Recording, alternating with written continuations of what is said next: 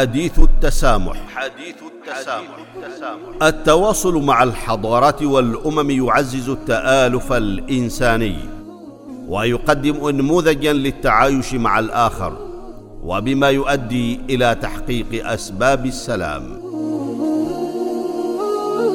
حديث التسامح برنامج يعده ويقدمه معالي الدكتور محمد بن سعيد المعمري وزير الأوقاف والشؤون الدينية حديث التسامح, التسامح.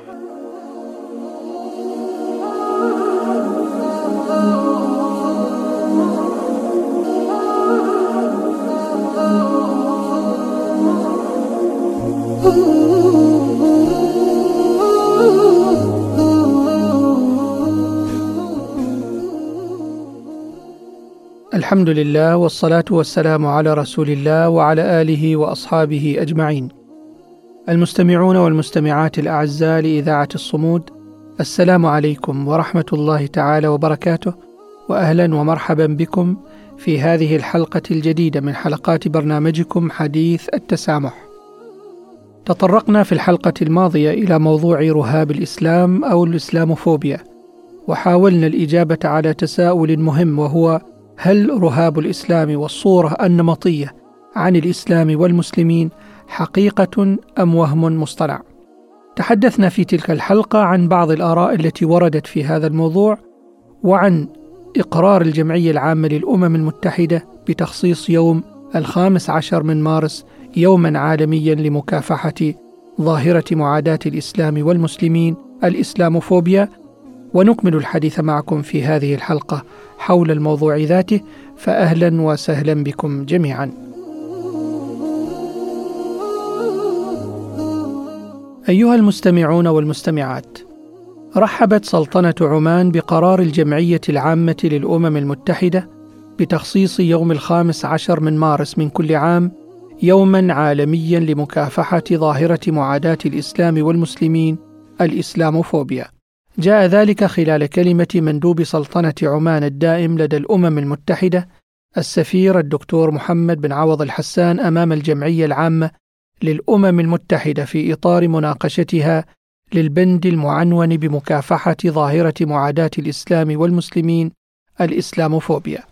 وأوضح أن سلطنة عمان تؤكد أن احترام الآخر من الأهداف والمقاصد النبيلة التي قامت عليها رسالة الأمم المتحدة مشيرا إلى أن مواجهة التطرف والتعصب والكراهية باتت ضرورة من ضرورات العمل الدولي المشترك. وأكدت سلطنة عمان رفضها لأية محاولات هدفها الإساءة للرموز الدينية لافتة إلى أنه ليس من الحكمة أن يتم استغلال حرية التعبير منطلقا للإساءة للرموز الدينية ومعتقدات الآخرين. ودعت سلطنة عمان سائر الدول إلى اتخاذ جميع السبل لمواجهة هذه الظواهر ومحاسبة مروجي التعصب والكراهية منوها إلى أن الاحترام واجب ومطلوب والتعايش ضرورة لتقريب الأفكار والتعاون.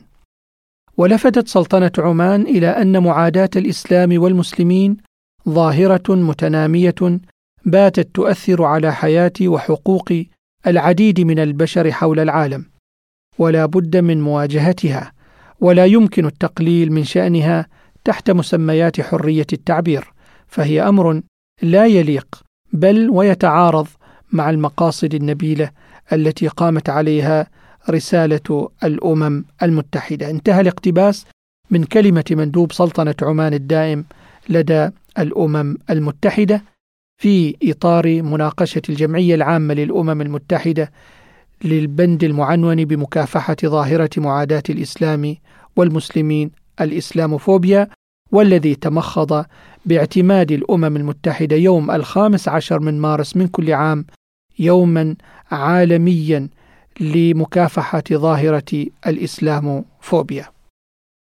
أيها المستمعون والمستمعات لم يسلم الإسلام الحنيف منذ بزوغ فجره على شبه الجزيرة العربية ببعثة خير الخلق صلى الله عليه وآله وسلم من محاولات التنقيص وتنفير الناس منه ومن تشويه صورته والمعاداة لأحكامه ومنه ومن من ارتضوا به دينا وسبيلا للحياة. فرغم مرور أكثر من ألف سنة ويزيد من أول اتهام للإسلام والمسلمين تصاعد في العالم التضليل المتعمد للتاريخ بغية إظهار الإسلام مظهر الدين المتخلف والقديم الذي لا يصلح لتوجهات وحداثة العالم المعاصر. فيدفع غير المسلم إلى دوامة لا متناهية من الأسئلة. كيف لهذا الدين البالي حسب تعبيرهم أن يواكب الحداثة؟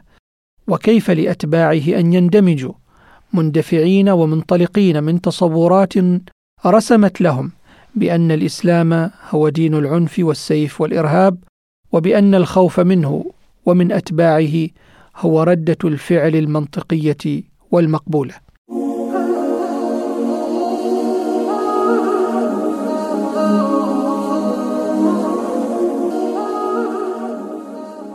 حديث التسامح. حديث التسامح التواصل مع الحضارات والأمم يعزز التآلف الإنساني ويقدم انموذجا للتعايش مع الآخر وبما يؤدي إلى تحقيق أسباب السلام. حديث التسامح برنامج يعده ويقدمه معالي الدكتور محمد بن سعيد المعمري. وزير الأوقاف والشؤون الدينية حديث التسامح, التسامح.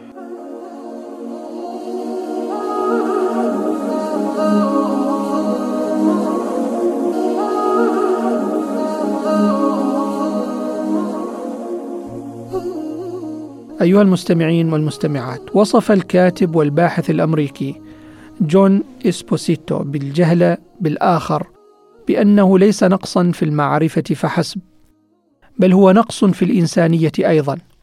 فهو يؤدي إلى الحط من قيمة الآخر والتقليل من شأنه ومن إنسانيته وبالتالي وصمه بالدونية والشعور بالخوف تجاهه. وترى الباحث لقاء مكي بأن التعامل مع الآخر بموجب الأحكام المسبقة وأنماط الوعي الثابتة والسطحية تجاهه كانت قد بدأت منذ أن بدأ التواصل بين المجموعات البشرية.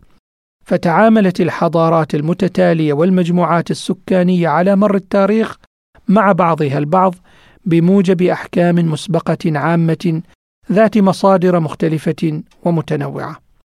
وحيث إن الصورة النمطية هي التي يتم تشكيلها عن فرد أو مجموعة أو بلد أو أمة أو الآخر أو حتى الدين ولا يمكن محوها وكان قد عاد استخدام هذا المصطلح لأول مرة إلى العام 1798 عندما وصفت الصفائح المعدنية التي كانت تطبع عليها الحروف بطريقة الصب الحراري فتصبح ثابتة لا تمحى.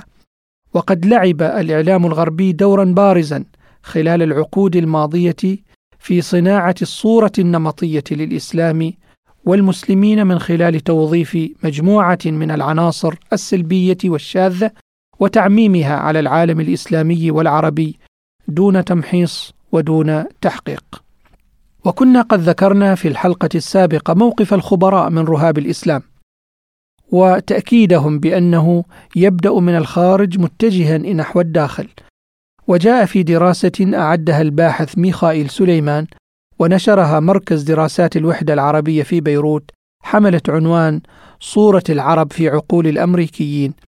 قوله إن القوالب الذهنية لا يمكن اعتبارها كأشياء تتسبب من تلقاء نفسها بل هي حاصلة كنتيجة لأسباب خارجية ولعل صراعات العرب واختلافات المسلمين بعضهم البعض استقطبت الإعلام الغربي لتجد لأجندات مموليها مادة إعلامية جاهزة لصياغة الخطاب السياسي الذي يرجح كفة حزب على حزب أو مترشح على مترشح. ومن زاوية أخرى فقد ذهب مجموعة من الباحثين أمثال بشرى مداسي الأستاذة والمحاضرة في جامعة الجزائر إلى القول بأن الإعلام الغربي لم يكن هو صانع الصورة النمطية عن الإسلام والمسلمين والعرب لكنه نقل ذات الصورة النمطية التي رسمها أوائل المستشرقين عن الإسلام والمسلمين.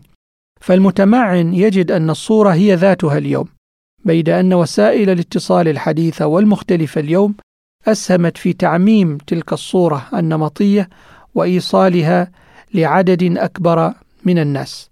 فآراء المستشرقين وعدم مصداقية بعضهم كانت محصورة في قرائهم ومتابعي كتاباتهم فقط. ومن هذا المنطلق فإن كثيرا ما يربط ظهور رهاب الإسلام في العالم بقضايا الإرهاب حديثة العهد إلا أن مفكرين ومختصين غربيين في الأنثروبولوجيا أو علم الإنسان يؤكدون قدم هذه الظاهرة فجذورها تعود إلى قرون غابرة من الصراع والحروب الصليبية وحملات الاستشراق وانتهاء بالاستعمار فإذا يمكن القول بأن الإسلاموفوبيا مصطلح جديد لظاهرة قديمة. ففي العام 1910 أصدر المفكر الفرنسي ألان كيليان كتابا أسماه السياسة المسلمة في إفريقيا الغربية الفرنسية. وعرف في صفحات كتابه الإسلاموفوبيا بأنها حكم مسبق ضد الإسلام، حكم منتشر عند شعوب الحضارة الغربية. وفي السياق نفسه فقد نشر المؤرخ الفرنسي آلان روسيو مقالا في العام 2016 قال فيه إن الإسلاموفوبيا عداء ممنهج ضد الإسلام موصوم في الفكر الغربي ظهر جليا في روح الحملات الصليبية وازدهر خلال التوسع الاستعماري الأوروبي في الشرق قبل أن يعود ليبسط نفوذه أخيرا في مسألة الحرب ضد الإرهاب. ويرى الدبلوماسي السويدي إنجمار كارلسون بأن ربط الإسلام بالإرهاب هو تخيلي وغير موضوعي أبدا ولا يستند إلى حقائق ثابتة. فالإرهاب ليس حكرا لدين أو بلد أو عرق ما وإنما هو نتاج معتقدات مشوهة وتراكمات غير صحية يبرأ منها الإسلام. فالإسلام يحرم الإرهاب ويجرمه كيف لا؟ والإرهاب إفساد في الأرض وهتك لحرمة النفس البشرية وترويع للآمنين وهو نقيض الرحمة التي جاء بها هذا الدين الإسلامي الحنيف وجاء فيها بنبيه محمد صلى الله عليه وسلم قائلا له وما أرسلناك إلا رحمة للعالمين. أعزائي المستمعين والمستمعات يمكن الاستدلال مما سبق بأن ظاهرة رهاب الإسلام أو الإسلاموفوبيا هي ظاهرة اختلقت من خلال استغلال وتوظيف صورة غير كاملة وناقصة للإسلام والمسلمين والعرب وتعزيزها بصور نمطية في أذهان الغير وبأن توظيف الظاهرة لنيل المكاسب ليس بجديد وإنما هي أداة يتكرر استخدامها من قبل أطراف لا تعطي للقيم الإنسانية المثلى معنا. وقد أكد على ذلك الدبلوماسي السويدي إنجمار كارلسون الذي ذكرناه سابقا بقوله إن تحول الإسلام إلى صورة عدو لنا إنما يتوقف في المقام الأول علينا. وكان قد أكد على ذلك قبله في العام 1910 الباحث الفرنسي المتخصص في الإسلام موريس دولافوس عندما كتب عن مسلم إفريقيا قوله الحالة الروحية لمسلم إفريقيا الغربية لا تتعارض مع الحضارة الأوروبية نهائيا بالرغم من كل ما يقال اليوم عن الإسلام. وختاما فإن ظاهرة رهاب الإسلام فخ وضع العقلانية الأوروبية والروحانية المسلمة في حالة احتدام مستمر كما وصفها جورج هاردي البروفيسور والكاتب الكندي. وإن الرجوع إلى قيم التسامح والتعايش والوئام من خلال استشراف الحقائق وبسط أرضيات التعارف والتعاون هو السبيل نحو استقرار أفراد ومجتمعات ونماء تلك المجتمعات وانتشار الأمن والسلام في العالم أجمع. نقف عند هذا الحد ونكمل الحديث معكم في حلقات مقبلة بإذن الله حتى ذلك الحين نراكم على خير والسلام عليكم ورحمة الله تعالى وبركاته.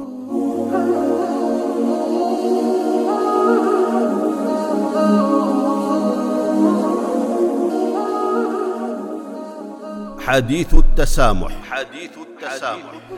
التواصل مع الحضارات والأمم يعزز التآلف الإنساني ويقدم انموذجا للتعايش مع الآخر وبما يؤدي إلى تحقيق أسباب السلام.